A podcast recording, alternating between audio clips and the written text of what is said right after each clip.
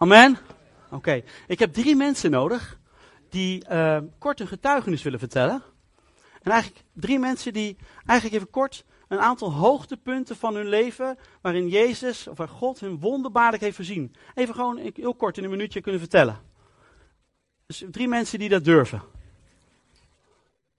Ik zal voorgaan, weet je, weet je hoe ik het bedoel? En dan heb ik even een microfoon nodig nog. Ik heb er al twee, is er nog één? Ah, ik ben drie natuurlijk. Nou ja, er was er nog eentje. Dus als er nog iemand is, heel graag. Kijk eens aan. Mooi. Ik zal het kort vertellen. Ik zal, ik de microfoon aan jou vastgeven. Ik zal zelf voorgaan. Dan weet je een beetje wat ik bedoel. Oké. Ik was drugsverslaafd. Acht jaar geleden. God heeft me clean gemaakt. Ik ben nu acht jaar clean van drank en drugs. Oké. Vet, hè? Daardoor had ik 75.000 euro schuld. God heeft in drie jaar tijd heeft hij alles kwijtgescholden. Ik had ADHD. God heeft me genezen van ADHD. Amen. Amen. We konden geen kinderen krijgen. Wil ik eens in verwachting van de derde. Amen. En zo is God. Oké, okay, um, ik heb ook een hele ruige. Ik kom net uit het ziekenhuis. En mijn hart is weer gecardioverteerd. Dat wil zeggen, ik had boezemfibrilleren van de week. En uh, dit is de vierde keer al. Ik ben heel stoer. En uh, dan krijg je een stroomstoot in je donder. En dan loopt dat hart, die wordt even stilgezet. Dus ik heb eigenlijk de dood gezien in een hele goede tijd. Eh, net Pasen geweest. Dus ik, ik volg de Heer enorm. Maar, um, ja, dit vind ik ook wel grappig. Maar voor mij de grap begint daarmee. Want je ligt daar in het ziekenhuis en je krijgt een stroomstoot. Je gaat dood. En eh, de Heer was er niet. Dat is natuurlijk geouwe hoor, hij is er wel. Amen. En dat wil ik even zeggen. Dat is mijn getuigenis. De Heer die was bij me, hij zei bij me. En dan lig je er gewoon zonder gauw hoor. Ik heb geen Bijbel, ik heb dat ding gepakt en ik denk van, nou, dat gauw hoor. En hij zegt tegen me heel stilletjes, zegt hij, ik zeg niks tegen jou, want ik ben bij jou. En ik denk van, wat is dat nou weer? Hij zegt, ik ben bij jou, ik zal er zijn. En dat is mijn boodschap voor jullie. Iedereen die hier zit, wat jij ook denkt, of wat voor probleem je ook hebt, als je denkt, hij is er niet, hij zal er zijn. Dat is een bemoediging. En het staat in het boek, hij heeft heel veel woorden, maar dat is een kern. Als je vraagt van, nou, wie is God? Dan zegt hij tegen je, en dat vind ik hoer als mens, dan zegt hij, ik zal er zijn. En ik denk, wat een kort ding, maar er zit alles in besloten. Weet je, de wereld gaat ten onder en het maakt er maar niet uit. Ik ga dood. En hij zegt, ik zal er zijn. Nou, een grotere bemoediging is er niet. Amen. Dank u wel, Heer.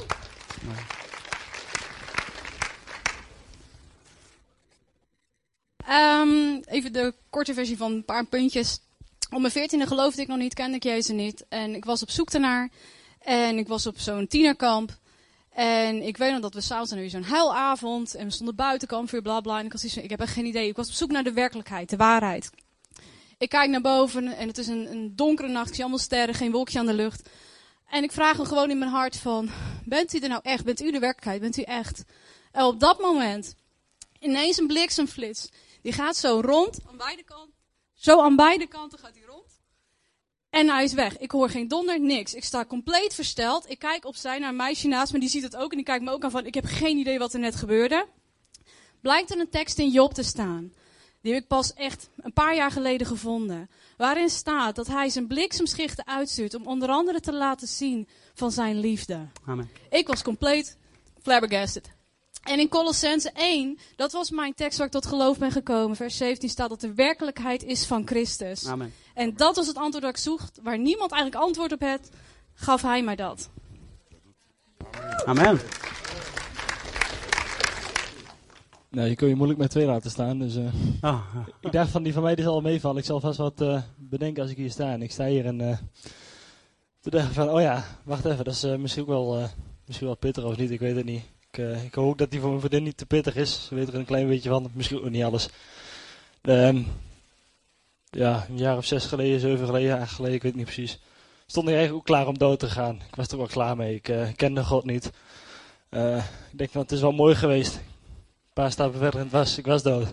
Ja, stemmetje in mijn hoofd zegt van, ga niet. Denk erom, doe het niet. Er is wat meer voor jou. Dus, nou ja, weer naar huis gegaan en uh, ruzie gemaakt met mijn ouders, weet ik het allemaal. Uh, alles doen wat je niet moet doen eigenlijk. En, het was oktober en eh, mijn broer zei tegen mij, die, die ging al een tijdje naar de kerk waar ik eh, eerder altijd heen ging. En eh, die zei van, ga je een keer mee? Ik zei, ja, het is goed met jou, ik ga wel een keer mee. eh, hij vroeg het al vaak, ik denk van, ben ik van jou gezeur af. En toen in januari zei je nog een keer mee? Ik zei, ja, ik kom vanmiddag wel. Dus die hadden de, de smiddagsdienst nog toen en... ehm, nou ja, ik kwam binnen en eh, ik dacht, wat, wat is dit? Dat, eh, wow, er, er is wat. Er, gebeurt wat met me. Ik voel me thuis, ik voel me op mijn plek. En, ja, eh, nou ja, uit, nou ja, omdat je je goed voelt op je plek ga je erheen en... ja, je, je, je, je denkt van ja, er is meer. Je begint tot geloof te komen. Je, je begint te geloven dat er meer is. En, maar ja, je hebt ook vragen, want je wilt graag dingen. Je, je, je wilt op een gegeven moment een keer eh, een, een, een- nou, werk hebben, een, een vriendin hebben, weet ik het allemaal. Nou, zo tot vals jaar naast me, we hebben inmiddels twee jaar verkering. Dus, eh, Kijk eens aan. Ehm, maar het is gewoon zo cool. Dat, dat, nou ja, heb je, als hij dan zegt, van, heb, je, heb je dingen waarvan je God dankbaar bent, dan denk ik van ja, dat ik nog leef, dat ik een vriendin heb, dat ik familie heb, dat ik nou gewoon broers en zus heb, zelfs in Zutphen, om het zo maar te zeggen. Weet je, Amen. dat het gewoon zoveel meer is dan, dan alleen maar leven. Maar het is leven met God en ja, daar ben ik gewoon heel dankbaar voor. Super. Dank jullie wel. Ik eh, ga jullie straks, jullie straks zullen horen waar we naar voren geroepen zijn. Alleen de getuigenissen, dat was al, eh, was al voldoende, toch? God is goed, amen. Jullie hebben het gehoord. Nou, een beetje van mijn preek werd al een beetje gepikt, maar ik geloof dat het de leiding is, dankjewel. Helemaal goed. hey, weet je wat het is? Ik, eh, ik worstel de laatste maanden eigenlijk een beetje met een heilige frustratie van mezelf. En die gebeurt, ja, we, zijn ouders in de gemeente, dus dan horen we wel eens wat, wat er gebeurt in de gemeente. En ik begon ook steeds heilig te frustreren eh, over de gebeurtenissen van, eh, van mensen in de gemeente.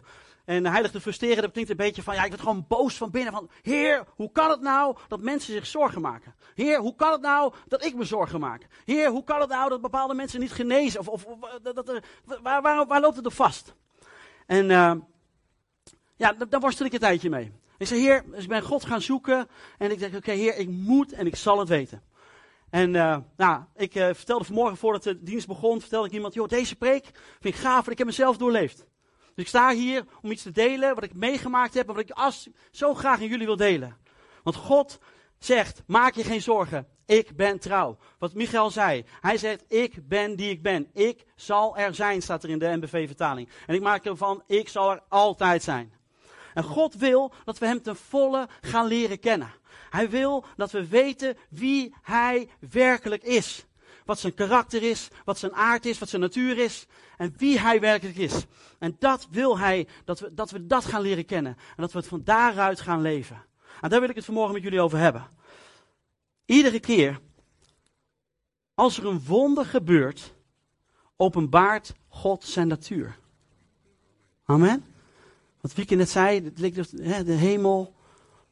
Ze zag letterlijk een bliksemschicht in de hemel.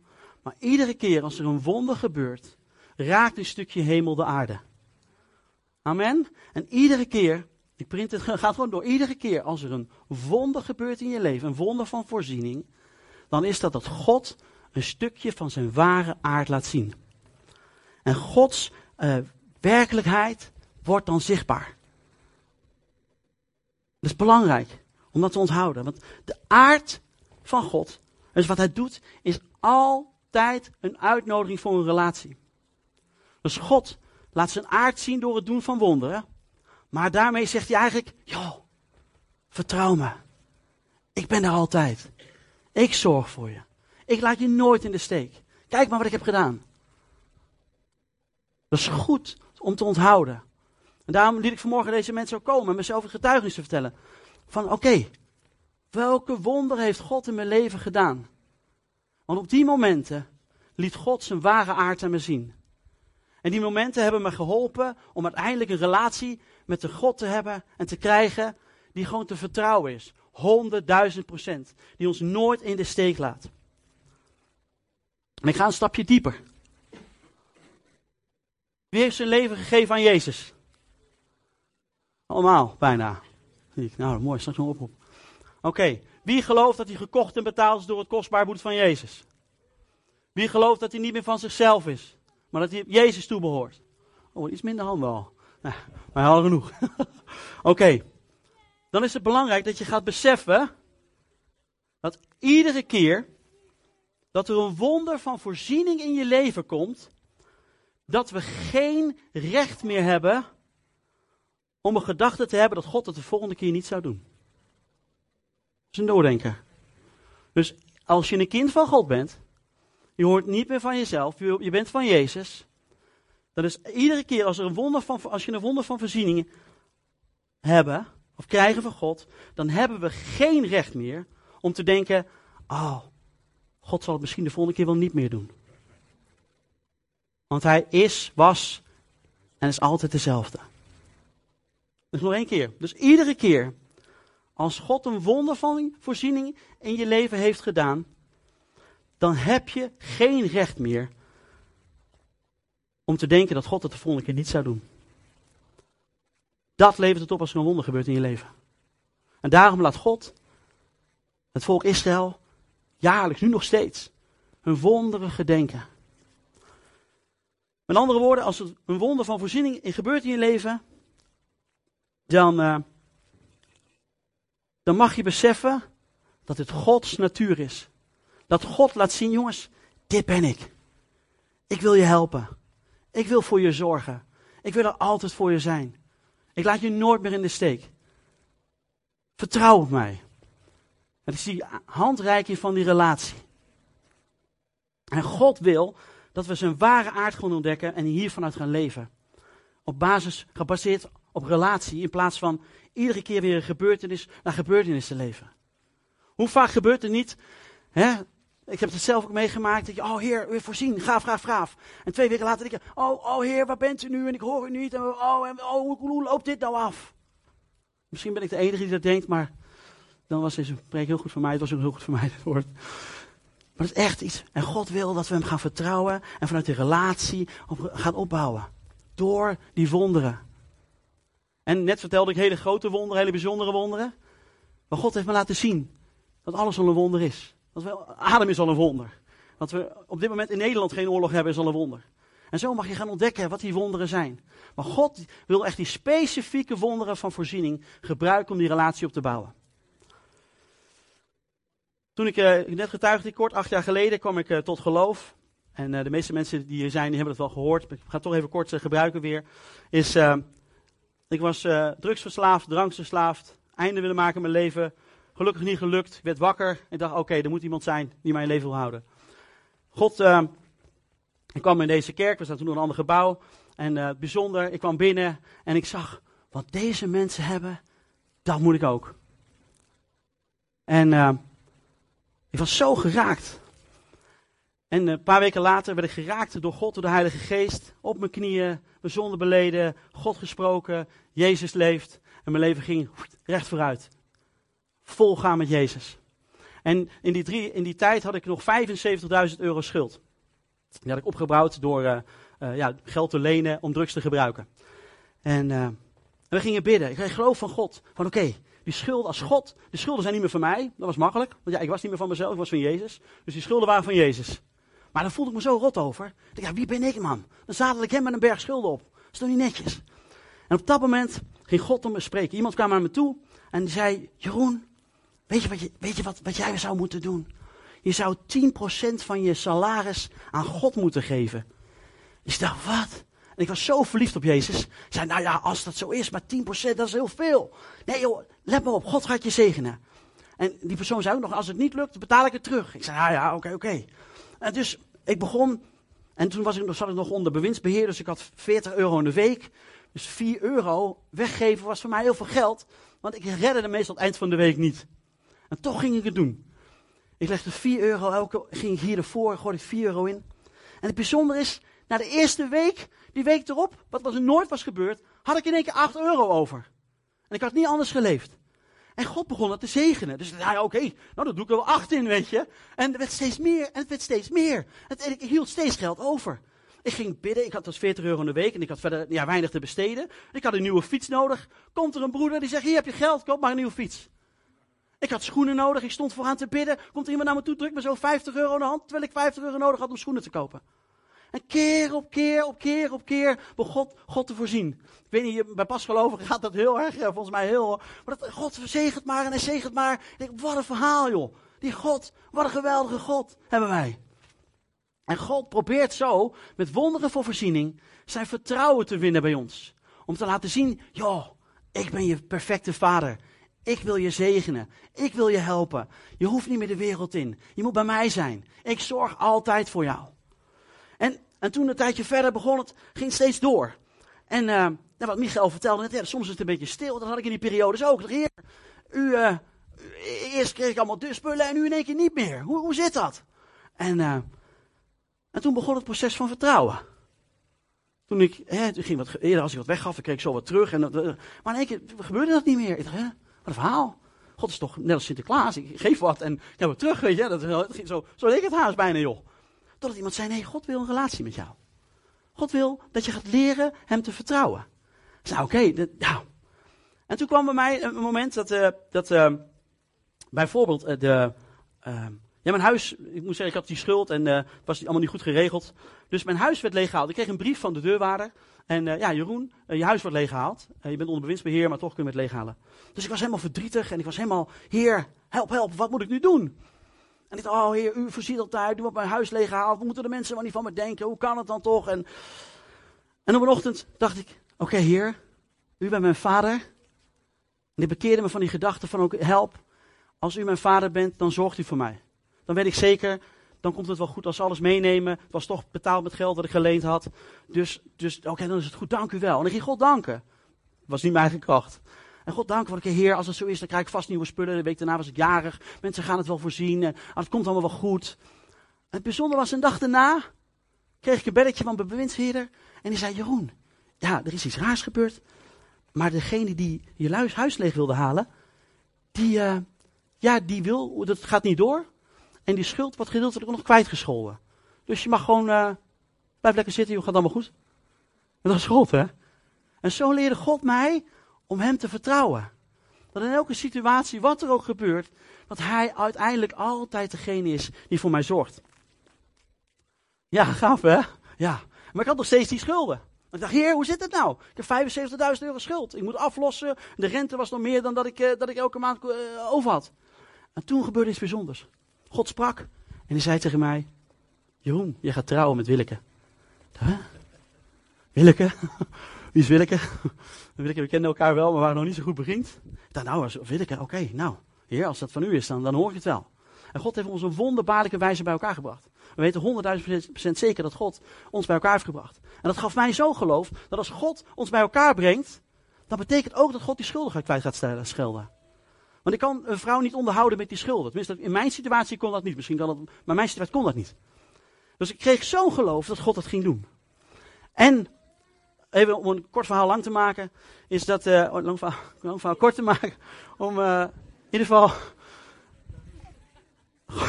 ja, ja, nou ja, ik, word, uh, ik sta hier nu toch, dus ik heb nog even, ik weet niet hoe lang jullie hebben, maar het is pas tien over half twaalf. We hebben het half twee betaald, dus hier de zaal, dus nee. Het gaf ons zo geloof. En God heeft uiteindelijk, heeft hij op een wonderbaarlijke wijze, heeft hij van de 75.000 euro, had ik 20.000 euro gespaard in drie jaar, dat is ook een wonder. En die andere 55.000 is in één keer kwijtgescholden. En op de dag dat we gingen trouwen waren we schuldenvrij. Helemaal niks meer. Dus dat, dat is God, hè? Amen. Dus God, hij heeft laten zien dat hij trouw is. En, uh, even kijken. Dus op het moment dat uh, ja, God dat ging vertellen, over het trouwen, kreeg ik dus geloof. Dus God gebruikt momenten van voorziening om geloof te krijgen, om nog meer op Hem te gaan vertrouwen. En ik ben heel eerlijk, soms heb ik nog wel eens help. En wat ik in het begin van de preek zei, deze preek is net zo hard voor mij. vorige week liet nog iemand bidden voor voorziening van help hier, komen deze maand rond. En maandagochtend God voorziet, weet je. God laat zien van ik ben trouw. Dat is geen kunstje, geen trucje, maar zo is hij gewoon. Dus telkens als we kijken naar wie God is en wat hij heeft gedaan, in plaats van oké, ik heb nu een fiets, en wat, wat, en ik, maar ik heb nog geen auto. Is belangrijk om te doen. Om uiteindelijk die ware aard van God te leren kennen. En uh, in Jezaja 54 vers 10 staat, want al zouden bergen wijken en heuvels wankelen, mijn goede tierenheid zal niet van u wijken. En het verbond van mijn vrede zal niet wankelen, zegt de Heere, uw ontfermer. God is onze ontfermer. Hij wil voor ons zorgen. Maar geven wij hem de kans om voor ons te zorgen? Geven wij hem de kans om hem te gaan vertrouwen? En daar, ja, ik ben, ben blij dat ik dat vanmorgen niet hoef te getuigen of te overtuigen met mijn woorden. Ik geloof dat de Heilige Geest gaat jullie laten zien in welke situatie in je leven dat zit. Want zit je op dit moment in een storm, God zegt, mijn liefde zal niet van je wijken.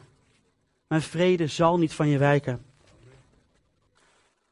Dat, eh, dat ik niet de enige ben, want in die periode van drie jaar tijd mag je best weten, was het echt vaak wiebel wiebel. Van Heer, hoe nu? En Heer, help. En Heer, u bent toch de voorziener en Heer. En dan was ik helemaal in de gloria en dan lag ik op de grond huilen. Was ik, uh, wiebel, ging helemaal een beetje zo. Maar gelukkig helpt de Bijbel mij om mij een beetje zelfvertrouwen te geven dat ik niet de enige ben. Dus dat zal, dat we met z'n allen mogen leren. Ik wil jullie meenemen naar Marcus 8. Gaan we een stukje lezen van 14 tot 21. Volgens mij komt het niet op het scherm, heb ik niet doorgegeven, hoeft ook niet hoor. Is een stukje over Jezus en de discipelen in de boot. Jezus had uh, een paar keer daarvoor een, uh, een wonder gedaan van uh, de wonderbare vermenigvuldiging van het brood en van de vissen. En Jezus was met zijn discipelen weer op stap naar het volgende avontuur en ze zaten met hem in de boot.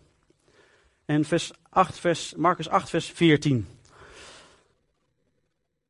De leerlingen waren vergeten genoeg brood mee te nemen. Ze hadden maar één brood bij zich in de boot.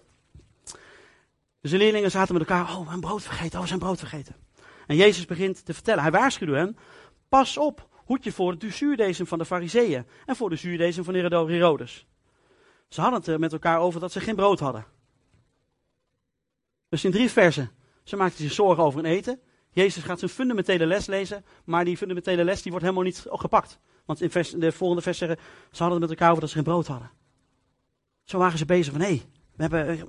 En hoe vaak overkomt ons dat niet? Tenminste, mij in ieder geval. Dat God dat je wil spreken, maar je bent bezig met de zorgen van alle dag. En de vraag van hoe komt dit, hoe komt dat? Toen hij dit merkte, zei Jezus, waarom praten jullie erover dat je geen brood hebt? Begrijpen jullie het dan nog niet en ontbreekt het jullie aan inzicht? Zijn jullie dan zo hardleers? Jullie hebben ogen, maar zien niet. Jullie hebben oren, maar horen niet. Weten jullie dan niet meer hoeveel manden vol stukken brood jullie hebben opgehaald toen ik vijf broden brak voor vijfduizend mensen? Twaalf, antwoordden ze. En toen ik zeven broden brak voor 4000 mensen, hoeveel mannen vol stukken brood hebben jullie toen opgehaald? Zeven. Dus eerst vertelt, oké, hoeveel duizenden mensen gevoed? En toen heeft God ze ook nog voorzien. Toen zei hij, begrijpen jullie het nog niet? En in een andere vertaling staat, is jullie hart nog steeds hard? De les is, de discipelen zaten met hun neus bovenop die wonderen. Wonderen van voorziening. Ze hebben zelfs het brood uitgedeeld. En toch waren ze nu nog angstig omdat uh, dat ze niet genoeg hadden. En Jezus zegt tegen de discipelen, eigenlijk, waarom start jullie verbeelding met iets wat je niet hebt? Je bent bij mij en toch denk je gelijk aan tekort. En Jezus vraagt eigenlijk de discipelen, waarom verander je niet de manier hoe je denkt over mijn natuur, over mijn aard, over wie ik ben? En hoe vaak gebeurt ons dat niet, hè? Dat we in zo'n situatie zitten van, uh, help, wat nu? In plaats van, oh, oh joh, maak me geen zorgen, want de Heer voorziet. Heeft hij toen gedaan en toen gedaan en toen gedaan en toen gedaan, zal nu ook wel weer. En vaak denken we uh, dat, dat Gods wonderen eenmalige gebeurtenissen zijn. En Gods tekenen eenmalige gebeurtenissen zijn. Maar die wonderen van voorziening, dat is gewoon om te laten zien dat hij een relatie met ons wil. Dus de vraag is, weet je wat God doet? Of heb je een relatie met hem en begrijp je wat zijn ware aard en natuur is? En dat is wat vanmorgen, wat ik jullie over wil brengen. Leveren van, leven van wonder op wonder op wonder. Van, oh, hij heeft wel geholpen, help, oh, help, oh, help, oh, help, oh, help. Of gaan we, nee, ons denken vernieuwen. En God zorgt altijd voor ons. We komen nooit tekort. En toen en toen en toen en toen ook niet. En met alle respect, hè, misschien zitten hier wel mensen die zeggen, ja, mooi verhaal, maar ik heb dat allemaal niet meegemaakt. Maar ook die relatie met de Heer is een persoonlijke weg. Dus die voorziening en hoe groot die wonderen moeten zijn en wat voor tekenen zijn, dat is voor iedereen persoonlijk. Ook daarin wil God zijn, zijn aard laten zien. Iedereen gaat, is voor, deze weg is voor iedereen persoonlijk. Hetzelfde verhaal, even een voorbeeld van Israël. Israël was bekend met de wonderen van God. Ze baden, Heer help, vlees. En er kwamen kwartels aangevlogen. Heer help, uh, vijanden. En God hielp ze. Maar toch Was elke keer was er weer help en help, help, help. Als ze weer geholpen waren, dreven ze weer van God af. Of waren ze weer bang en maakten zich zorgen. En, uh, maar alleen Mozes die pakte dat, die wonder van God echt op.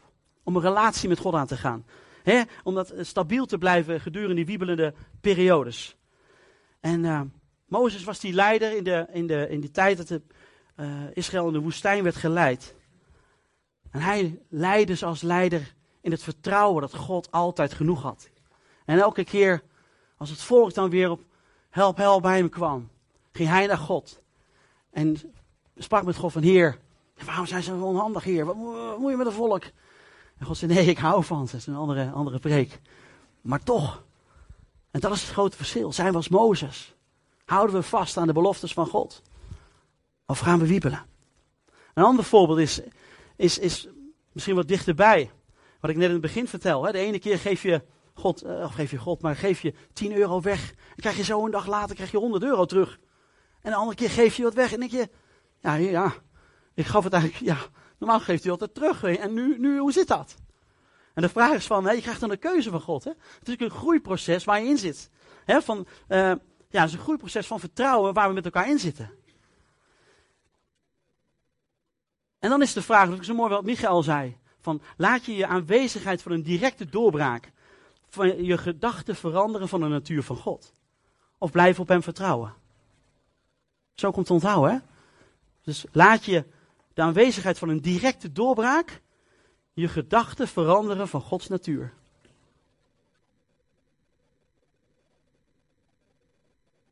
En God wil niets liever dat we hem gaan vertrouwen. En hij gaat zo zijn weg met ieder van ons. Begrijp je nog een beetje? Ja? Dus iedere keer als er een wonder van voorziening gebeurt, openbaart God zijn aard en zijn natuur. Wie God werkelijk is, wordt dan zichtbaar. En die aard, die natuur, is een uitnodiging voor een relatie met de God die altijd hetzelfde is. En nu is de vraag, hoe zit dat met mij en met u? Als we in een bepaalde situatie zitten, hoe start ons denken? Schieten we in de, help, waar is God? Of denken we, oké, nee, God is trouw. En hij zal met een oplossing komen. En kunnen we, uh, hè, daarom liet ik net ook de mensen naar voren komen, van, is, kunnen we met elkaar onze persoonlijke wonderen van voorziening weer terughalen? ik ben heel, ik mag best weten, er is zoveel gebeurd in de afgelopen jaren in mijn leven, dat ik het ook regelmatig vergeet. Waar ik in, waar ik in heb gezeten. Dat en dat God om de schouders stikt, Jeroen, weet je nog wat toen en toen? Oh heer, dat is waar ook. Vergeef u heeft toen en toen en toen ook laten zien. En om bekeren van die gedachten. Wat belangrijk is, wat we moeten weten over ons denken, is dat elke reactie, die, wij, uh, die wij hebben op een situatie, is een reactie vanuit liefde of een reactie vanuit angst. Goed houden. Dus elke reactie die we hebben, is er eentje vanuit liefde of vanuit angst. En liefde of angst is de bron van de keuzes die we maken en van wat we doen. Ken je God ten volle? Ken je zijn ware aard? Kun je altijd vanuit liefde reageren. Twijfel je over wie God is? Of hij wel je zal zegenen en zal helpen? Is de kans groot dat je regelmatig vanuit angst reageert. Dat is ook een dichte lijn bij, uh, bij jaloezie. Dat is een heel ander, verhaal. Maar reageer je van, oh, hij wel, ik niet. Of reageer van, hij, hij, oh, dan kan, oh, als hij een nieuwe auto krijgt van God, dan zit er dus een kans in dat ik ook een nieuwe auto kan krijgen van God. Amen hey, wie wil er allemaal een nieuwe auto? Ja, kijk eens aan. Nou, zegen. Ik heb... Oké, nou. Pak jullie hem een beetje? Hoe komt het nou dat we moeite hebben met het vertrouwen van God? Dat ik moeite heb, maar jullie hebben dat allemaal niet, maar ik heb dat in ieder geval wel. Nou, hoe kan het nou? Dat kan dus komen door gebeurtenissen uit het verleden. Hè? Misschien wel zwaar teleurgesteld in je ouders, of in vrienden, of in broeders en zusters. Kan ook allemaal. En, uh, en ja, misschien uh, heeft de tegenstander je proberen onderuit te halen. Dat kan ook, hè. En, uh, want de tegenstander, goed onthouden, die probeert ons aan te vallen in ons, in ons denken. Dat is zijn, zijn strijd, strijdveld. Ons denken is, is Daar probeert de tegenstander ons te pakken. En de tegenstander probeert namelijk het patroon van denken in ons te bewerkstelligen tegen de wil van God. Hè, want als het niet lukt, krijg je gelijk een pijl. Zie je wel? Is dat niet jouw God? Ja, ja, zie je wel? En toen en toen en toen was het ook niet gelukt. En toen en toen, en, en bij die niet, en bij die niet, en bij die poing, poing. Allemaal pijlen die komen.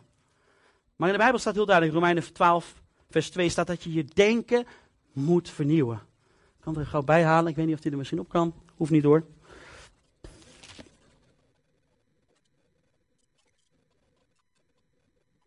Dus dan gaan we een stukje voorlezen. Het is belangrijk dat we ons denken laten vernieuwen. Daar staat, u moet uzelf niet aanpassen aan deze wereld. Wie weet dat de wereld is gebaseerd, de wereldeconomie gebaseerd is op tekort, op schaarste? Dat weten we allemaal, hè? Toch? Als iets tekort is, uh, ergens tekort van is, wordt alles duurder. Als er ergens heel veel van is, dan wordt alles goedkoper. Dus, maar bij God is er nooit te. Amen. Dus u moet uzelf niet aanpassen aan deze wereld, maar veranderen door uw gezindheid te vernieuwen. Om zo te ontdekken wat God van u wil en wat goed, volmaakt en hem welgevallig is. Dus belangrijk om ons denken te vernieuwen. Maar dan moet je wel eerst weten wat je denkt en weten wat goed en fout is. En hoe kun je dat nou, uh, hoe kun je daar nou achter komen? ik heb, uh, wat je kan doen, en daar wil ik je echt voor uitdagen de komende week, is ga God eens vragen om patronen te kennen, herkennen in je denken. Heilige Geest overtuigt ons. Dus als je, ik weet zeker dat als we van de week gaan zitten, misschien vanmiddag nog, of nu al, oké, welke patronen in mijn denken kloppen nou eigenlijk niet? Zijn niet in lijn met uw wil. Als je daar nou achter komt, dan is het belangrijk om vergeving te vragen over die manier van denken. Dat je nadenkt, oké, dit is een gedachte tegen de wil van God in. Want God zegt in Romeinen 12 van, om zo te ontdekken wat God van u wil en wat volmaakt, hem, eh, wat volmaakt en hem welgevallig is. Dus als we denken als zoals de wereld, is dat hem dat niet welgevallig. Er zijn dus die gedachten, dan mag je vergeving vragen. En dan is de kunst, niet de kunst, maar de bedoeling dat we gaan bekeren van die gedachten. En dat is heel belangrijk dat we echt, echt ons van die gedachten afverkeren. En hoe kun je dat nou doen? Hoe gaat je vertrouwen nou groeien in God? Nou, de Bijbel zegt dat we niet strijden tegen mensen van vlees en bloed. Hè? De tegenstander probeert ons te pakken in onze gedachten. Nou, hoe kunnen we nou die, die gedachten weerleggen? In de Bijbel staat heel duidelijk in Hebreeën 4 vers 12. Want levend en krachtig is het woord van God. Scherper dan een tweesnijdend zwaard. Het dringt diep door tot waar ziel en geest, been en merg elkaar raken. En het is in staat, en dan komt hij, de opvattingen en gedachten van het hart te ontleden. Het is belangrijk om Bijbel te lezen. En teksten vanuit je hart te kennen. Want die teksten vanuit je hart, die, uh, het woord van God is in staat om de gedachten van het hart te ontleden. Dus leugens aan het licht te brengen. ik heb een tijd geworsteld met depressiviteit en angsten. En toen had ik Romeinen 8 vers, uh, vers 15 in mijn hoofd geleerd. Ik ben niet langer een slaaf van angst. Ik ben een kind van God. En ik mag Abba vader, ik mag hem vader noemen, weet je. Ik heb de geest niet ontvangen om opnieuw als slaaf en angst te leven. Ik heb de geest ontvangen om een kind van God te zijn en hem aan te roepen als Abba vader, hij is mijn vader. En elke keer als er een angst kwam, eruit in Jezus' naam. Weg ermee. Ja, en zo werkt dat. Dus ik wil je echt aansporen. Dus ik zeg, lees Bijbel. Maar het Bijbel, het woord van God, ontleedt die gedachten. Jezus gebruikte zelf ook het woord. Om de duivel te weerstaan. En van hem te overwinnen. In Lucas 4, vers 3 en 4. Daar staat, uh, dat was de tijd dat Jezus werd verzocht in de woestijn. De duivel zei tegen Jezus, hey, als u de zoon van God bent, beveel dan die steen in een brood te veranderen. Maar Jezus antwoordde, er staat geschreven, de mens leeft niet van brood alleen. Dus Jezus stuurde de tegenstander ook weg. Met het woord van God. En na een paar van die weerleggingen droop die duivel af. Hij was gewoon helemaal niks meer. En het mooie is, en daar staat ook, en Jezus ging gesterkt door de geest verder. Dus je krijgt kracht om door te gaan. Amen. Het andere is, je kunt ook jezelf bedienen met het woord. In de Efeze 6 staat de wapenrusting. Die kennen we allemaal, ik wel, hè? Ik zal het voorlezen. Houd stand met de waarheid als gordel om uw heupen. De gerechtigheid als harnas om uw borst. De inzet voor het evangelie van de vrede als sandalen aan uw voeten. En draag bovenal het geloof als schild waarmee u alle brandende pijlen van hem die het kwaad zelf is kunt doven. Het schild van het geloof. Draag als helm de verlossing en als zwaard de geest. Dat wil zeggen Gods woorden. Dus we hebben de helm op, panzer om, gordel om, schoenen aan, schild en het zwaard. En uh, wat heel veel mensen denken, dat het zwaard een heel groot zwaard was. Want die Romeinse uh, uh, legerlui, die waren goed bepanserd om de strijd aan te gaan. Maar het zwaard was niet een heel groot zwaard, het was gewoon, gewoon een stevig zwaard. En iedere keer als ze zo gingen staan met hun zwaard, en er kwam een pijl van de tegenstander aan, en die ging door of langs een schild, en die schoot zo pats in hun zij, dan gebruikten ze het zwaard van de geest, het woord van God, om die pijl eruit te halen. Dus met, met het woord van God, met een zwaard, haalden ze die pijl eruit. Zodat die wond niet ging rotten of dat die wond niet ging zweren, zodat ze door konden vechten. En zo vraagt God van ons om die wapenrusting ook te gebruiken. Dus als die pijl er doorheen komt, dat je met het zwaard van de geest, met het woord van God, wam, die pijl er weer uithaalt. Om zo door te gaan. Ja, mag applaudisseerd worden hoor. Dat is belangrijk dus, het woord van God. Tot je te nemen. Want als je dat zwaard niet hebt en die pijl komt en je weet niet hoe je die pijl bij jezelf uit moet halen, dan hebben we altijd nog punt 2. Zorg dat je met mensen omgaat die je kunnen bemoedigen en je kunnen helpen om die pijlen eruit te halen. En dan kunnen onderwijzen. En mensen die voor jou de, pijl eruit kunnen halen als die doorgedrongen is. En ga naar een leefgroep. Ga naar een pastoraat. Zorg dat je omringt met mensen die een stapje verder zijn in de situatie die jij nu zit. He, als je dus gehoord hebt dat ik een extra slaaf ben en je hebt daar nu nog moeite mee, kom bij mij en vraag hoe dat werkt. Hoe, hoe God mij geholpen heeft. En zo zijn er helemaal mensen in onze gemeente die allerlei situaties hebben gezeten. En als jij nu in een lastige situatie zit en denkt, ja, verhip Heer, hoe kom ik hieruit? Zoek mensen op die een stapje verder al zijn dan jou in die situatie. Die zich hebben uh, ja, vrijgevochten, waar God voor hen heeft gestreden. En waar ze, waar ze nu een stukje verder zijn dan jij bent. Dus ik moedig echt aan, zoek mensen op, we zijn een lichaam. Niet om uh, op zondagochtend gezellig naar het woord te horen luisteren. Maar ook om door de weeks. Om bij elkaar die pijlen eruit te halen. Om zo door te gaan. Dus zorg dat er mensen om je heen zijn. Dat is belangrijk. En de derde is, en daarom heb ik de mensen het begin laten komen, is ga getuigen. Tegen jezelf en anderen over Gods daden. Wat ik dit zei, als ik werd aangevallen dan zei oh heer, maar toen en toen en toen en toen heeft u me geholpen en toen heeft u geholpen en toen heeft u geholpen. In openbaringen 12 vers 10 staat, want de aanklager van onze broeders en zusters, die hen dag en nacht bij onze God aanklaagden, is ten val gebracht. Favoriete tekst van Kalina volgens mij. Want zij hebben hem, vers 11, hem dankzij het bloed van het lam en dankzij hun getuigenis overwonnen. Dus Jezus heeft het voor ons gedaan en onze getuigenis overwint. Dus Jezus heeft zijn gedeel gedaan. En getuige is ons deel. En hiermee worden de wapens van de, van de tegenstander ontmanteld, ontmaskerd, weg. Hebben geen recht meer. Dus lieve mensen, God is goed. En laat je ervan doordrongen zijn dat Hij voor ieder van ons persoonlijk is. En Hij wil dat we te volle met Hem gaan leven. En Hem leren kennen zoals Hij werkelijk is. En hiermee sluit ik af. Ik hoop echt dat jullie gaan nadenken de komende week. En dat, Heilige Geest, ik bid ook echt dat u door, u bent een naprediker, dat u doorgaat. Want God wil niet dat we ons zorgen maken. En niet omdat hij, maar het hoeft niet. Het hoeft echt niet. Het hoeft echt niet.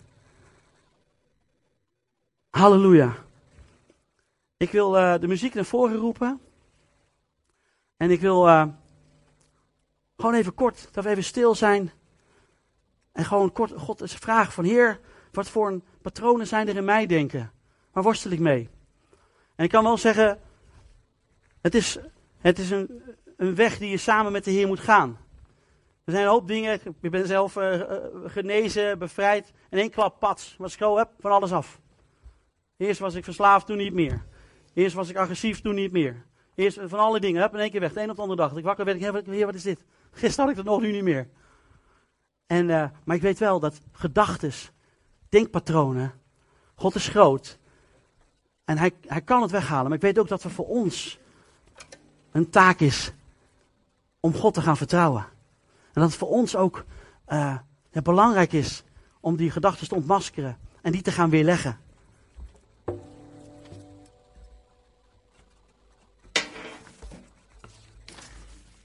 Mocht je nou straks gedachten hebben en daar is ook de oproep voor. En je denkt, joh, ja, ik, ik ben er al achter. Ik, ik heb al wat dingetjes die, uh, waar ik vanaf moet.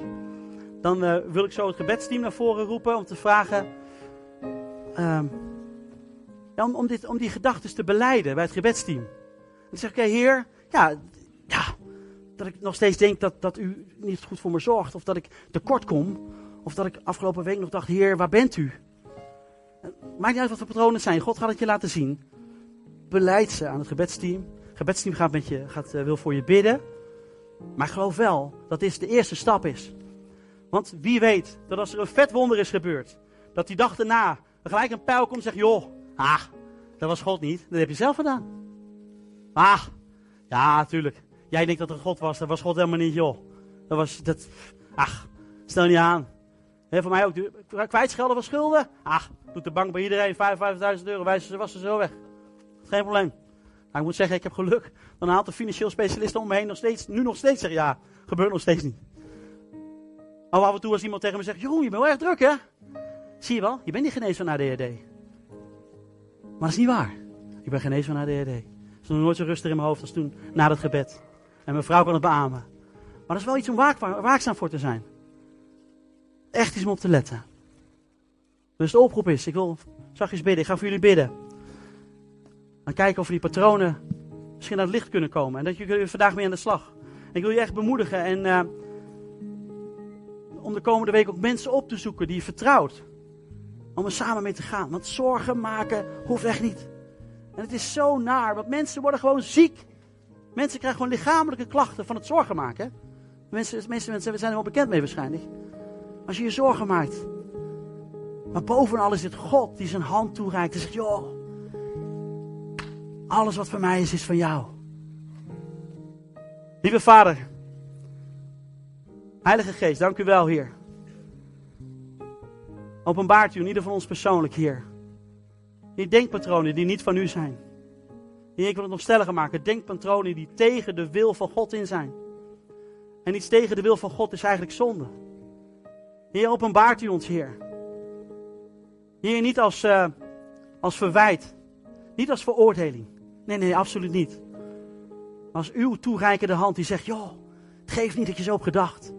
Ik wil je helpen. Ik ben je papa. Ik ben er altijd voor je. Ik vergeef je. Neem mijn hand. Heilige Geest, Heer, help ons, Heer. Laat ons zien, Heer, wat het is. In Jezus' naam.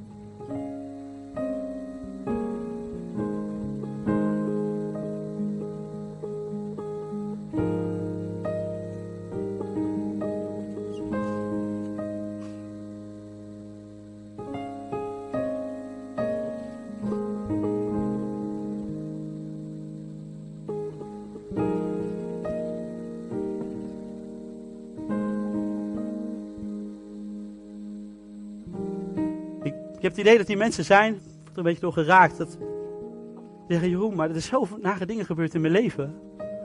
Het is makkelijker gezegd dan gedaan.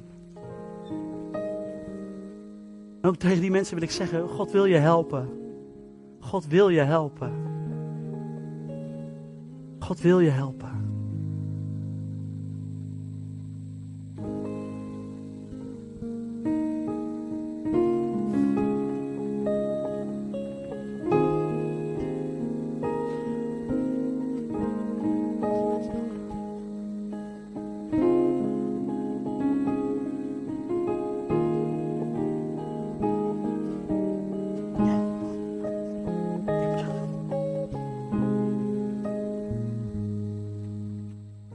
Net dat. Uh, Renner kreeg een indruk over. Uh, dat er mensen zijn die, die, zich, die een schuldgevoel hebben. Omdat ze nu nog in zonde leven.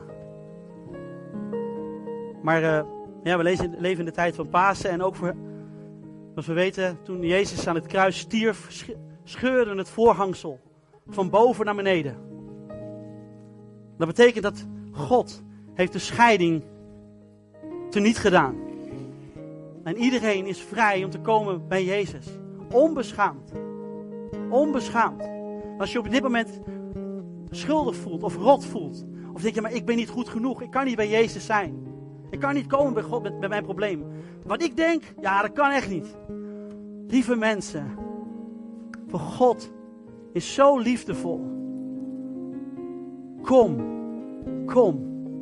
Ook als je op dit moment denkt, joh, Heer, juist ook voor die mensen, dankjewel Rende, juist voor die mensen ook. Daar is voor Jezus voor gestorven. Daar is Jezus voor aan het kruis voor ons allemaal.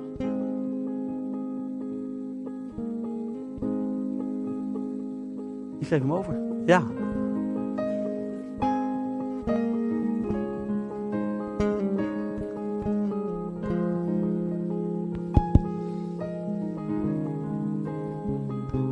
Nou, eh, dankjewel Jeroen. Mooi, eh, mooi woord. Ehm, wat we gaan doen, we gaan nog even een, eh, een lied zingen. En ehm, tijdens het lied kun je voren komen als je wil. Als je geraakt bent, zijn de gebedsteam klaar. Kun je voor je laten bidden of je verhaal even delen. En daarna gaan we de dienst afsluiten. Ja. Schuilplaats. Ik wil zijn in de schuilplaats van de zijn in de schaduw van de Almachtige. Ik wil zijn in de handen van mijn God, mijn Maker. Overnachten in zijn aanwezigheid. U bevrijdt mij.